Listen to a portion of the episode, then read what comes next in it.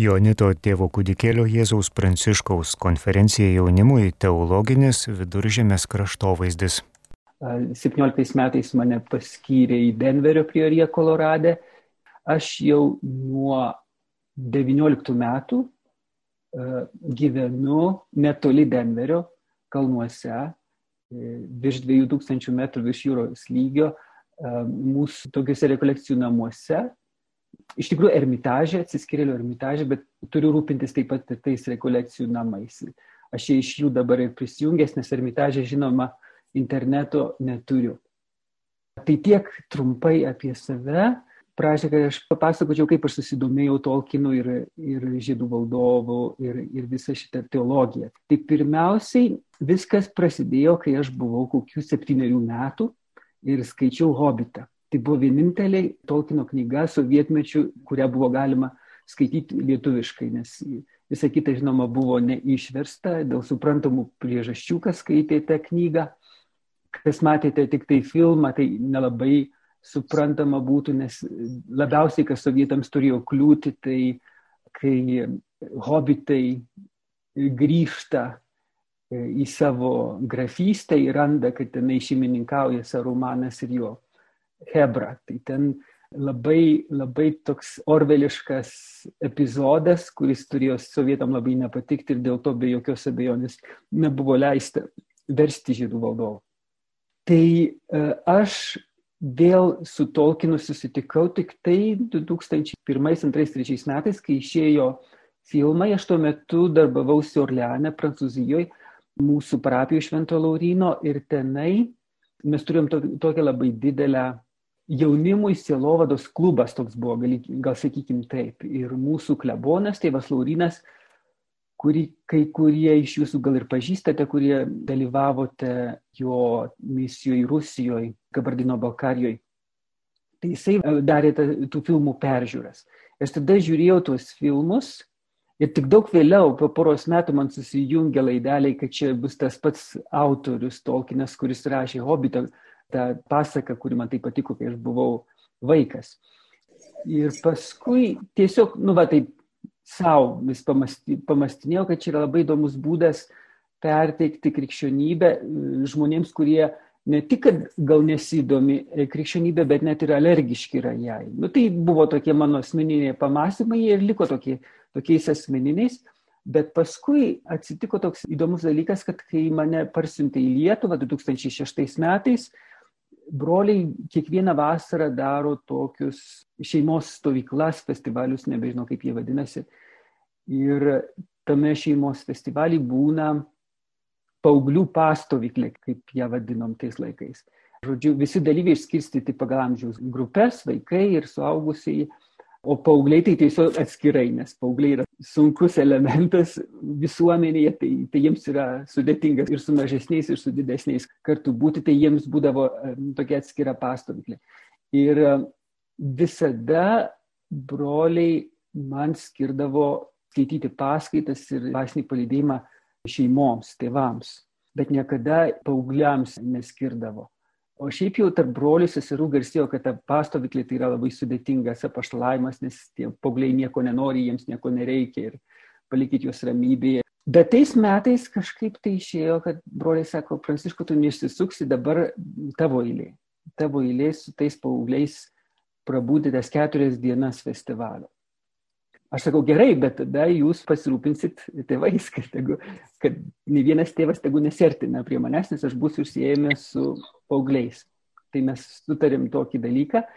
Ir tada aš pradėjau sukti galvą, ką čia padaryti, kad galėtume tuos paauglius sudominti. Ir aš turiu labai puikią komandą savanorių. Na va, ir žodžiu, su jais mes susėdom galvoti, ką mes čia galim nuveikti su tais paaugliais. Ir man kažkaip, nežinau kaip, bet iškilo atminti tie mano pamastymai, kai aš žiūrėjau žydų valdovą Orleano laikais. Ir sakau, žinot ką, žaidžiam su tais paaugliais žydų valdovą.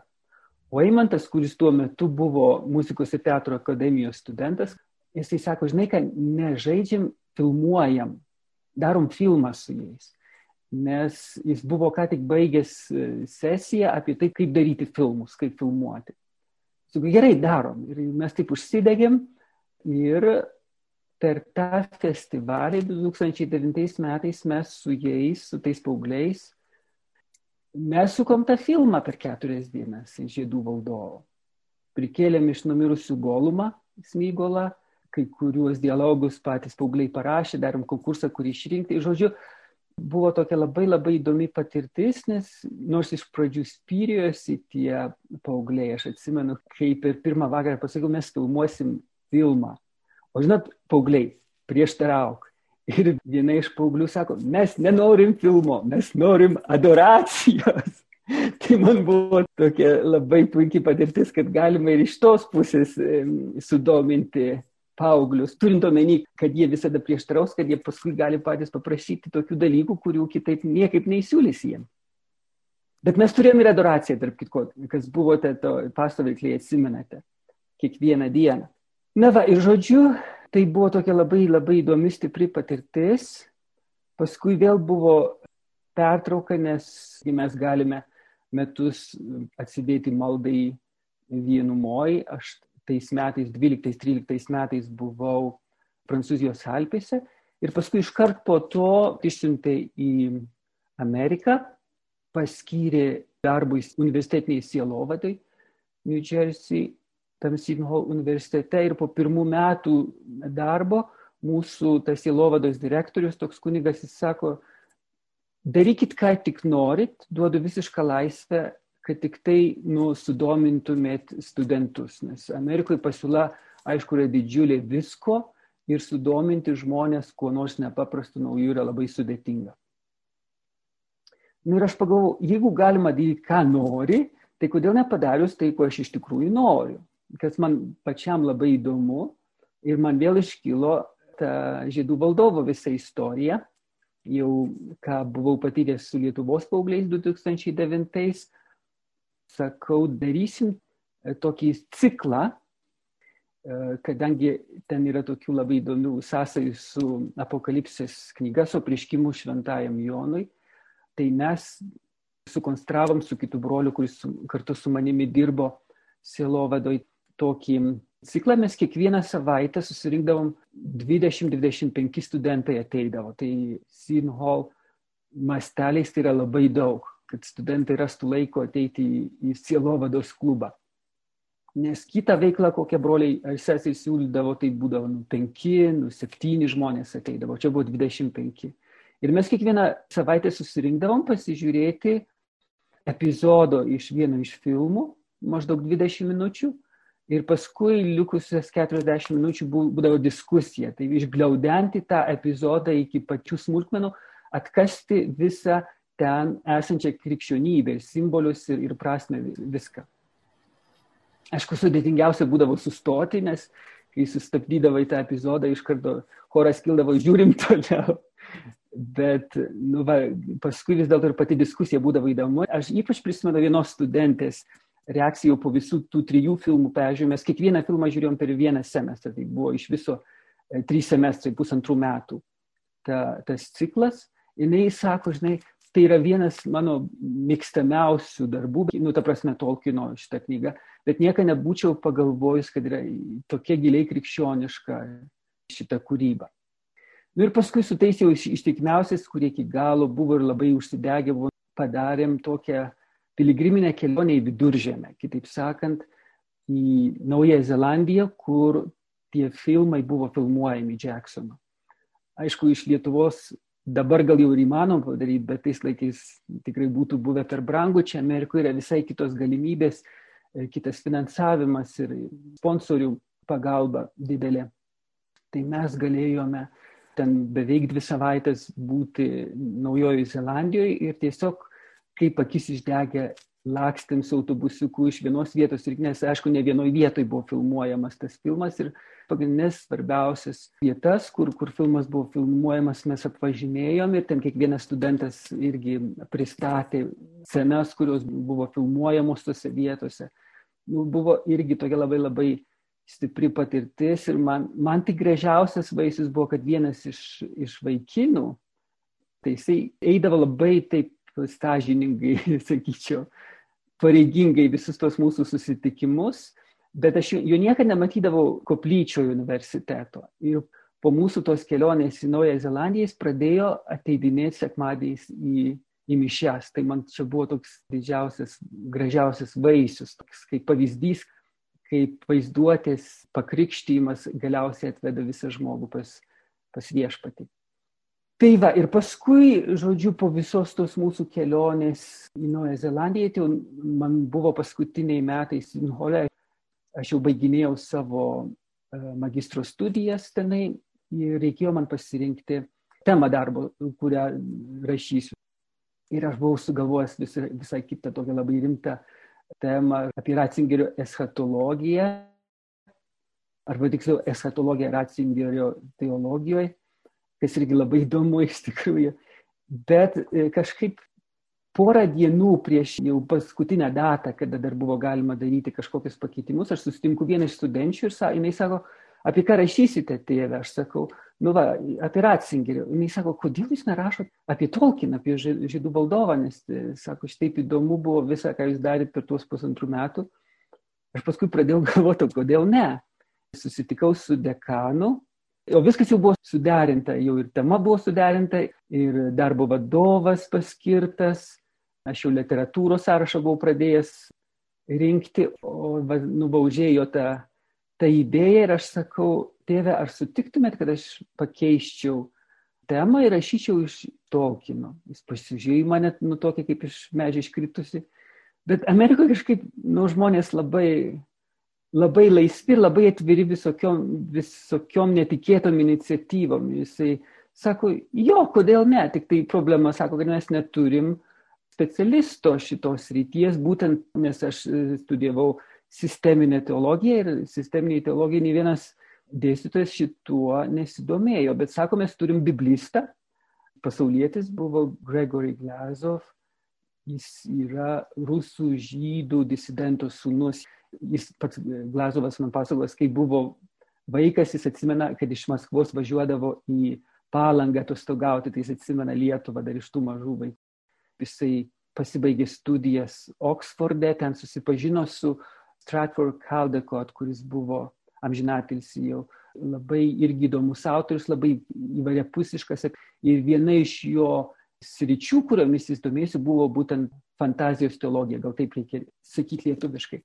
Na ir žodžiu, sutarėm su tuo dekanu, kad padarysim tokį, kaip čia pasakyti, ne visai legalų dalyką, kad oficialiai mano darbo vadovas bus toks monsignoras Makaren, labai malonus ir, ir mielas profesorius, tarp kitko, kuris nieko neišmanė apie, apie Tolkieno, net nebuvo skaitę žydų valdovo, bet mano pagrindinis vadovas buvo tas antrasis, nes na, paprastai Amerikoje būna du vadovai, vienas pagrindinis ir kitas antrasis vadinamasis lektorius, skaitytojas. Bet iš esmės tai Glazovas buvo mano darbo vadovas ir, ir iš tikrųjų man atvėrė ištisą akademinį pasaulį, nes yra daugybė, daugybė dalykų prirašyta apie fantazijos teologiją, ypač pas Tolkieną, Tolkieno kūryboje. Limitas buvo šimtas puslapių ir aš artėjau prie to šimto puslapių, aš matau, kad aš nu niekaip nesutilpsiu. Dekanui sakau, nu nesutilpsiu aš. Jis sako, gerai, rašyk, kiek, kiek tau rašosi bet vis tiek ne per daug. Tai galiausiai išėjo virš 120 puslapių tas darbas ir vis tiek, nu, likau toks sufrustruotas, nežinau kaip čia pasakyti. Nes, nu, nepasakiau vis tiek visko, ką galėjau, ką, ką mačiau, nes, nu, tiesiog užkabini, užkabini tuos klodus, bet giliau ir neišeina, nes ribot, ribota apimtis tų puslapių. Ir paskui jau, kai buvo diplomų įteikimas, ne, tai aš grįžau į New Yorką iš iš Denverio ir jau po tų įteikimų diplomo Glasovas sako, dabar sako, tau reikia iš to padaryti knygą. Aš sakau, jūs rimtai dėstite, jūs sako, labai rimtai, nes sako, čia yra vertas, vertas dalykas. Nu ir paskui tada aš parodžiau tą savo darbą tokiam lietuvių kilmės kunigui, Stravinskui, New Jersey, kuris irgi gyvena Newman House Press leidyklos vadovui, jis sako, gerai, aš išleisiu, labai įdomu, bet sako, reikia išversti žmonių kalbą, nes čia nesuprantama niekas. Maždaug per daug akademiška. Tai paskui aš su dviejų sesučių pagalba, mūsų kontemplatyvių seserų pagalba, amerikiečių mes tą tekstą kažkaip visus metus paprastinom, darėm aiškesnis, suprantamesnį ir skaitomesnį. Ir galiausiai 19 metais, tai jau žiūrėkit, jau greit du metai bus, prieš pusantrų metų ta, ta knygelė išėjo, aš kaip tik prieš jos išleidimą, tik ją išleidus lankiausi Lietuvoje, kai kas gal atsimenat, buvo pristatymas vienuolynė. Rūpiučio 15, kaip dabar atsimenu, aš manau, niekas neteis, nes laisvadienis vidurį vasaros, o, o salė buvo prisirinkusi, buvo tikrai labai daug žmonių.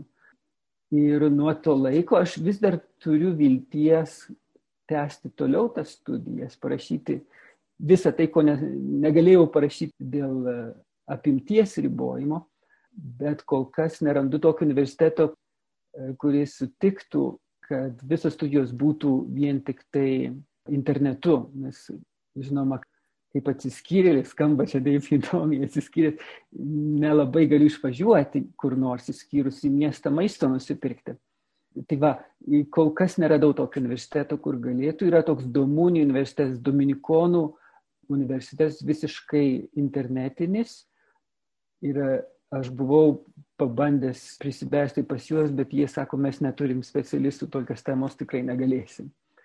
Va, nes kol kas, nors kaip sakiau, yra ištisas akademinis pasaulis apie tai, bet vis tiek universitetuose dar nėra labai labai paplitusi tyrinėjimų sritis. Tai tiek mano būtų prisistatymas, tada galima būtų toliau jau pereiti prie šio vakaro temos. Kuo 21 amžiaus sandoroje mus gali patraukti Tolkino asmenybė? Man atrodo, žinot, kas įdomiausia su Tolkinu. Jis buvo iš tikrųjų labai aukštos klasės mokslininkas. Tokių mokslininkų kaip jis buvo tikrai vienetai pasaulyje. Jos rytį, lingvistikos rytį. Nu, suprantama, universiteto profesorius jis yra vienas iš tų, iš tų didžiųjų tikrai gigantų, sakykime, taip, tos, tos ryties, kaip Sisliuvis, pavyzdžiui, irgi. Jie būtų buvo pirmiausiai lingvistinių studijų mokslininkai. Bet ir vienas ir kitas tapo labai garsus dėl to, kad jie pradėjo rašyti ne tik tai mokslinius straipsnius, bet ir nu, va, visokius tokius kitokius. Ir jie ten, tikriausiai žinot, susibūrė tokią inklingų klubą, kur po paskaitų tokioj užeigoj paukštis ir, ir vaikas. Nors iš tikrųjų oficialus tos užeigos pavadinimas buvo kažkaip erelis ir berniukas kažkas tokio, aš nebesimenu tiksliai, bet. Žodžiu, jie ten susirinkdavo ir vienas kitam skaitydavo, ką jie, ką jie su, nu, būdavo sukūrę. Nes jie jau turėjo tą idėją, jie matė, kad pasaulis jau tada vieda netinkama, negera linkme ir kad reikia kažkaip tai daryti tokią intelektinę revoliuciją, gražinti žmonės prie tiesos ir prie gėrio, būtent per grožį.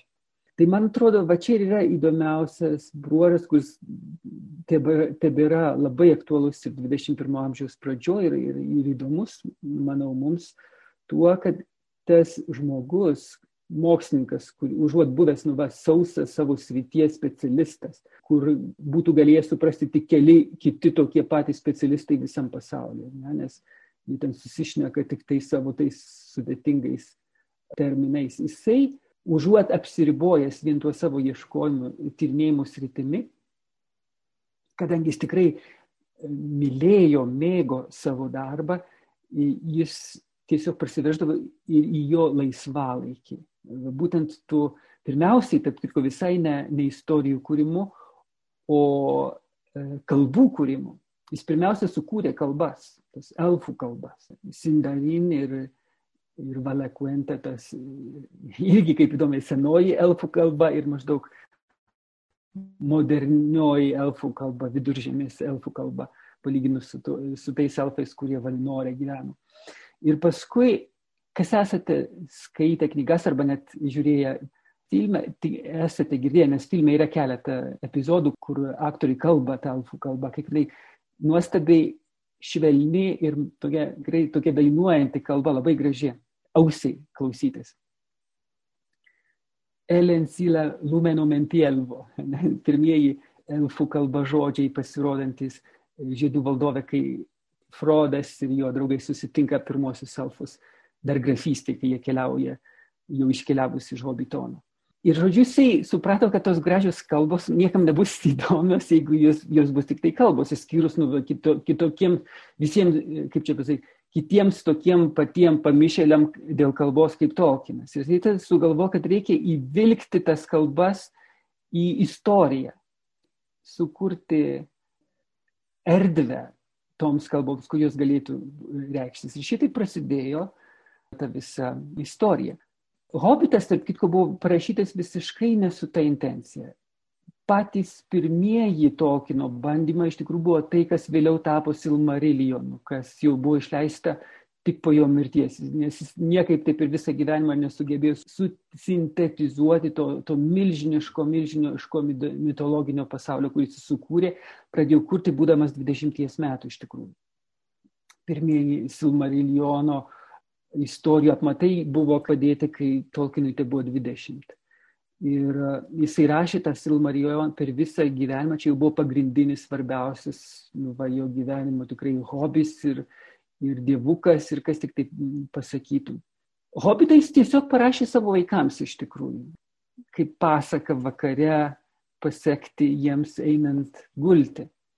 Visiškai be jokių planų išleisti ir paskui aš iš tikrųjų keletą versijų esu girdėjęs, skaitęs, tai nežinau, kuri tikra yra, bet istorija tokia, kad maždaug, kai rankraštis atsirado jų leidėjo rankose, tas leidėjas parodė savo sūnui septyniarių metų. Ir tas, tas vaikas paskaitė, sako, tėti leisk, nes čia bus anšlagas.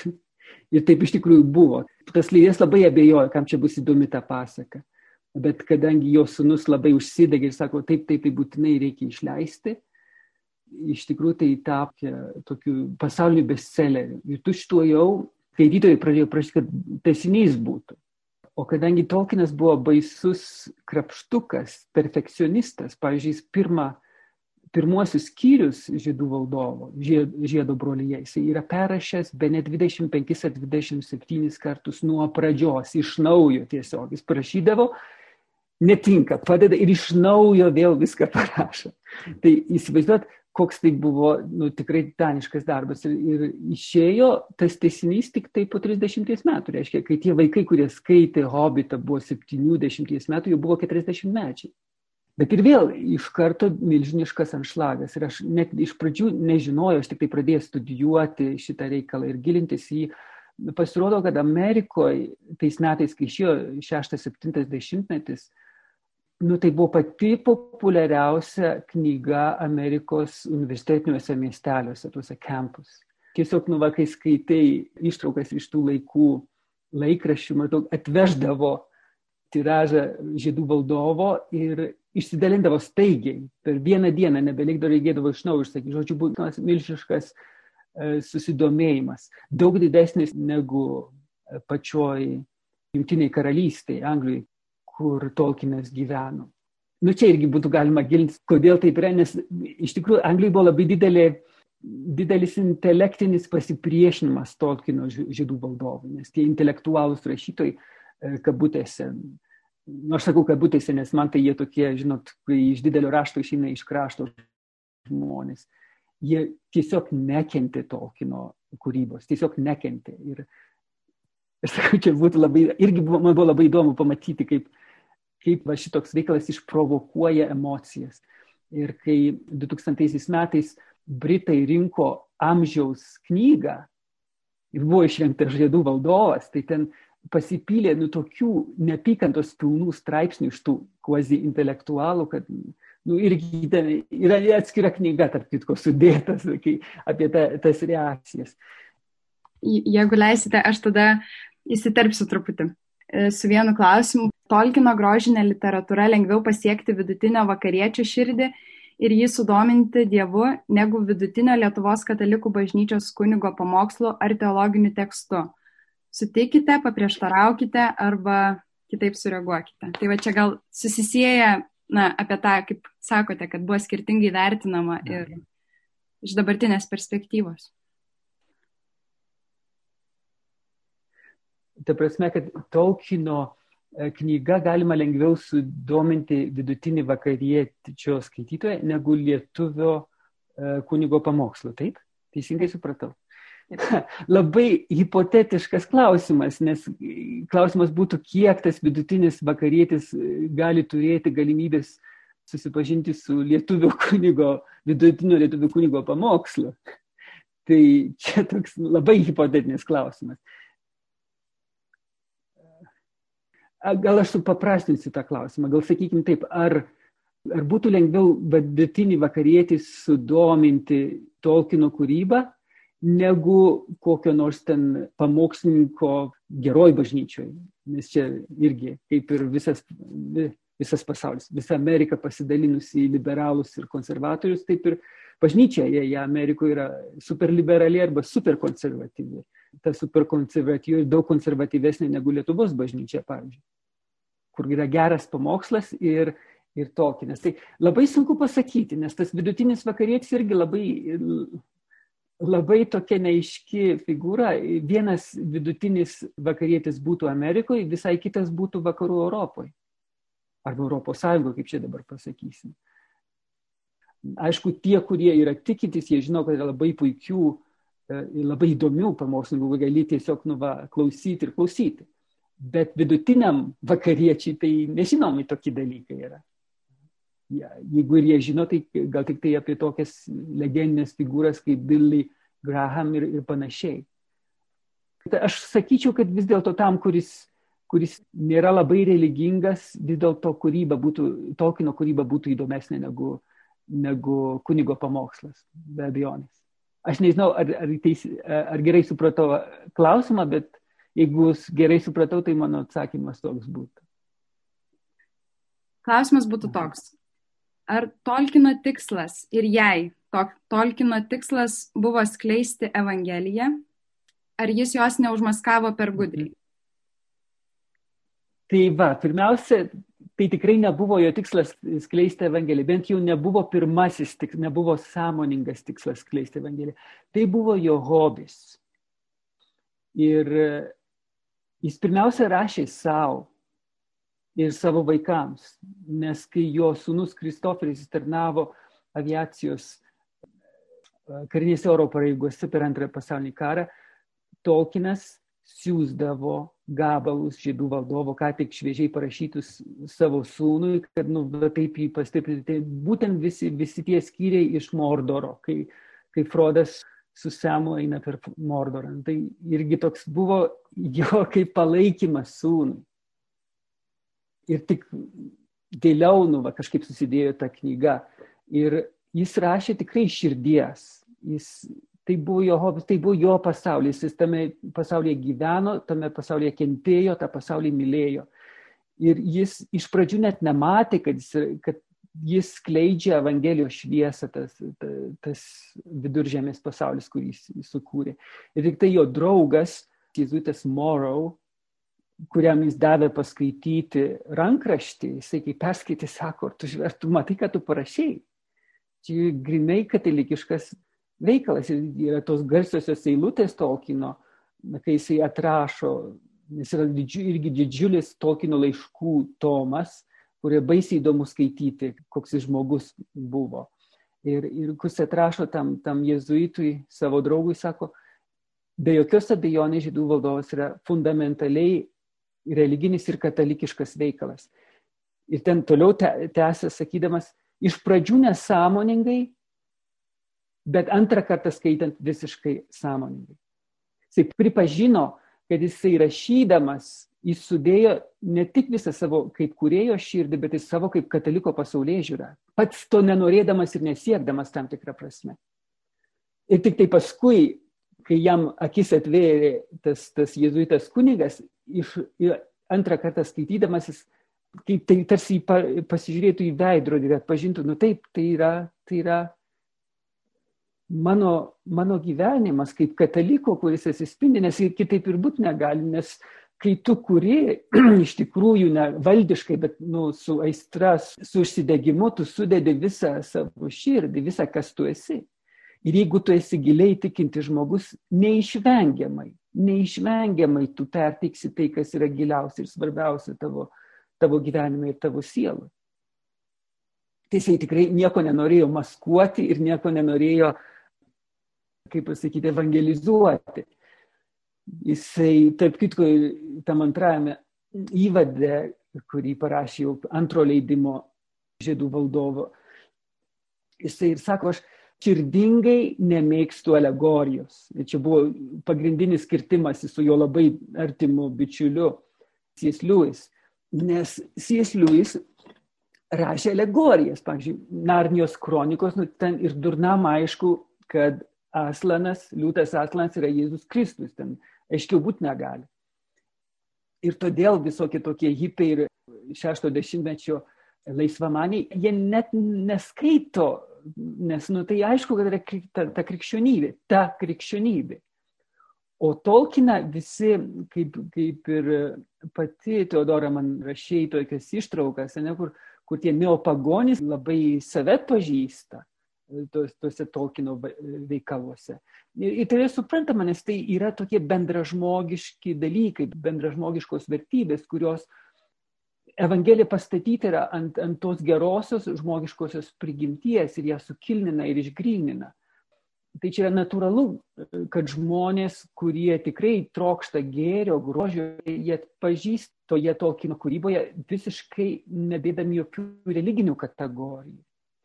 Bet tuo pačiu, kadangi, kaip jau minėjau, Tolkienas būdamas katalikas, gilus, gyvo tikėjimo katalikas. Jisai kasdien, praktiškai kasdien dalyvaudavo mišiuose, kada galėdavo net ir patarnaudavo mišiuose. Jo vyriausias sunus John Tolkien be bijonės, nebe tėvo įtakos, buvo katalikų kunigas taip pat.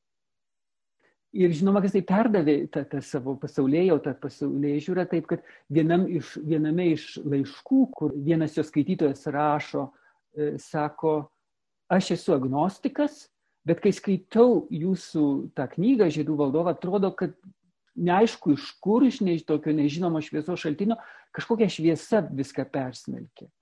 Ir, ir Tolkienas atsako taip irgi labai įdomiai, sako, suprantama, nes ta šviesa nėra iš manęs, ji ateina per mane, ta šviesa. Ir jis sako, tu negalėtum pastebėti to šviesos, jeigu pats nebūtum tai šviesai jautrus. Arba geriausia tai būtum abejingas, o blogiausia tai, nu, va, kaip, kaip, kaip tas golumas arba orkai, e, lembas, lembas aparegavę, visą bjaurybės mes negalim tokių dalykų valgyti. Čia labai įdomiai susisieja irgi. Ir jisai taip atvirai sako, nebent būtų tavie kita dvasia, kitaip sakant, piktoji dvasia, tu, e, jeigu būtų ta vieta piktoji dvasia, ne tik, kad tau nepastebėtum to šviesos, bet bjaurėtumės tą viduržėmę, ir ta šviesa, kuri ten klinda keurai. Ir ten buvo tokia labai akivaizdi aliuzija į visus tos jo kritikus, kurie, kurie taip nu, aistringai nekentė jo, jo kūrybos. Kitaip sakant, nu, galima padaryti išvadą, kad Tolkienas jos laikė kaip apsėstas. Tam tikras prasme taip ir taip yra, nes neapykanta tikram grožiui, gėriui, tiesai, nu, tai tik tai iš piktosios dvasios gali kilti. Tai va, ta evangelizacija buvo visiškai nesąmoninga ir intencionaliai nenorėta pradžioje, bet paskui e, to draugo, bičiulio kunigo pažadintas, jis, jis iš tikrųjų pamatė, kad nu, jis, jis visą save sudėjo, tokį, koks jis yra, save tolkina kataliką. Tuo pačiu, bet gal čia irgi vertėtų sustoti dar prie to, ar kalba riboja religinę patirtį, ar kalba gali riboti, kaip tai sėtumėte su šiuo kūriniu. Be jokios abejonės riboja, kadangi religinė patirtis religinės patirties objektas yra Dievas, o Dievas yra beribis. Tai žinoma, kad kalba yra žmogaus veiklos produktas, kaip čia pasakyti, žmogui būdinga kalba. Ir, ir kadangi pats žmogus yra ribotas, tai žinoma, kad ir jo kalba yra ribota, neišvengiamai. Ji yra apribojama pirmų, pirmiausia, laiko ir erdvės mūsų visos kategorijos, mūsų visi terminai yra susijęs su laiku ir erdve, kurioje gyvename. Tuo tarpu Dievas gyvena ne erdvėje, arba tiksliau, anapus erdvės ir anapus laiko. Žinoma, jis yra ir erdvėje, ir laike, bet ne, ne tik. Jis yra anapus erdvės ir anapus laiko, jis yra amžinybėje. Ir mūsų vien tų dviejų kategorijų, nors mes galim turėti tas kategorijas, ar ne, anapus erdvės ir anapus laiko, bet jų išreikšti mūsų žmogiškai žodžiais nu, neįmanoma iš tikrųjų. Tai kalba tikrai riboja, bet tuo pačiu yra labai svarbu, kokiu būdu per tą kalbą mes išreiškime tą tikrovę, nes yra labai didelis spektras tos raiškos, religinės patirties imkim iš pradžių gal tiesiog bendražmogiškai. Jeigu mes paprašysime biologą arba mediką aprašyti, nusakyti, kas yra meilė, tai ką jie surašys, nu, kad ten pakyla spaudimas, ima širdis, širdies ritmas padažnėja, parausta veidas, nu, tokie dalykai. Ar tai yra meilė? Jeigu tu paklausi poetą, kas yra meilė, ir jisai tą pasakys, tai yra tada, kai tu tu gali nuskinti visas žvaigždės ir padovanoti savo mylimajam. Tai vėl mokslininkai sakytų beprotybė, kaip tu gali nuskinti žvaigždę, kur yra milžiniškas liepsnojančių dujų kamuolys. Tu esi mikrobas palyginus su, su, su tuo kamuoliu. E, matot, kaip, kaip labai yra skirtinga, net toj pačioj kalboj, skirtingas raiškos gylis. Ir čia būtent prieinam prie tos kitos temos, kur turėjome paliesti šį vakarą, aš gal bent greitai, greitai paliesiu e, mito vaidmuo. Nes būtent per mitą, per mitą mes ir galime tą ribotą žmogišką kalbą pasakyti daug daugiau ir paliesti daug giliau negu nu, va, tą banalią kasdienę arba netgi tą labai šiais laikais tironiškai visur viešpataujančią mokslinę empirinę kalbą kadangi yra dalykų, yra tiesų, kuriuos kitaip negali pasakyti kaip tik mitinę formą, norėdamas išreikšti tas tiesas, kadangi empirinė patirtis perteikiama va, būtent tik tai ap, toj apribotoj mūsų laikė ir erdvėjai. Ir ypač jeigu mes sąmoningai renkamės tik tai tiek ir tai žinoti ir nieko daugiau. Kai mes iš anksto priori atmetame bet ką, kas neįtelpa į mums žinomus e, fizikinius arba subatominius, kokius tik norime, bet šio pasaulio, šios visatos dėsnius. Arba mes tiesiog atmetam iš karto ir iš anksto bet kokį slėpinį. Net jeigu ir pripažintų, tai čia jau geriausia atveju, jeigu ir pripažintų slėpinio egzistenciją toks žmogus, jis sakytų, vis tiek neįmanoma jo patirti, nes tai, yra, tai būtent yra slėpinys, kurio neįmanoma patirti, arba tiksliau, slėpinys yra tai, ko neįmanoma patirti iki galo, tu visada gali daugiau patirti. O mitas būtent atveria vartus į to slėpinio patirtį, jis tau atveria akis, kad tu gyveni apsuptas slėpiningų dalykų. Prisimena dabar ne Tolkino, bet C.S. Lewis toks, toks pasakymas toj knygoje iš Narnijos kronikų, aušros užkariautojo kelionį. Ir ten, kai jie atplaukė, jeigu skaitėte ir atsimenat, kai atplaukė į tą salą, kur tas burtininkas gyvena ir, ir jo dukra žvaigždė nukrenta iš dangaus, ar ne? Tas pusbrolis Pevensių, kaip jo vardas nebeatsimenu. Jisai sako, bet tai yra nesąmonė, žvaigždės yra tik tai liepsnuojantis dūmų kamoliai didžiuliai. Tai negali būti žvaigždė. Ir tas būtininkas atsako, mūsų pasaulyje žvaigždė yra, yra kas kita. Tarp kitko, net ir jūsų pasaulyje žvaigždė yra kai kas daugiau negu vien tik liepsnojantis dujų kamuolys. Tai yra ir liepsnojantis dujų kamuolys, bet tai yra kai kas daugiau negu vien tai. Ir jūsų pasaulyje. Ir daugiau jis toliau neplėtoja. Ir man, man čia labai graži to, šita Luiso aluzija tokia, kad va, būtent per mitologinį žvilgsnį į pasaulį, kai matai grožį pasaulio, tu gali išvelgti anapus tos išmatuojamos, apčiupiamos, pasveriamos regimybės, tu gali prisiliesti slėpinį. Ir jį tau labiausiai būtent yra atveria poezija ir mitologija. Anot Tolkienio, anot Luiso, Chestertono, McDonaldo visų tų didžiųjų 20 amžiaus pradžios, Donaldas, man atrodo, 19 amžiaus pabaigoje gyveno tų mąstytojų požiūrį. Man atrodo, tas tikrai be jokios abejonės tebėra aktualu ir šiandien, nes tai yra ne epochomis apriboti dalykai, tai yra aktualu čia ir dabar. Tai, tai yra bendražmogiški dalykai, kurie vėlgi anapus laiko ribos. Tai žmogiška kalba tikrai riboja. Analogiškai galime kalbėti ir apie Dievo kalbą, bet Dievo kalba yra vienas vienintelis žodis, kuris nuolat sakomas ir tai yra vienintelis žodis, kurį Dievas tarė visam žinybę. Vakar ar už vakar skaičiau Švento kryžiaus Jono šitą mintį, kad tai yra žodis, kuris yra sakomas Dievo visam žinybę tyloje ir jį galima išgirsti tik tai tyloje.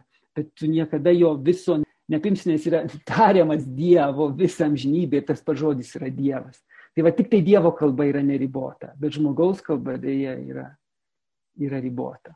Bet vėlgi, mitas savotiškai atveria tokie gilesnius klodus mūsų kalbos.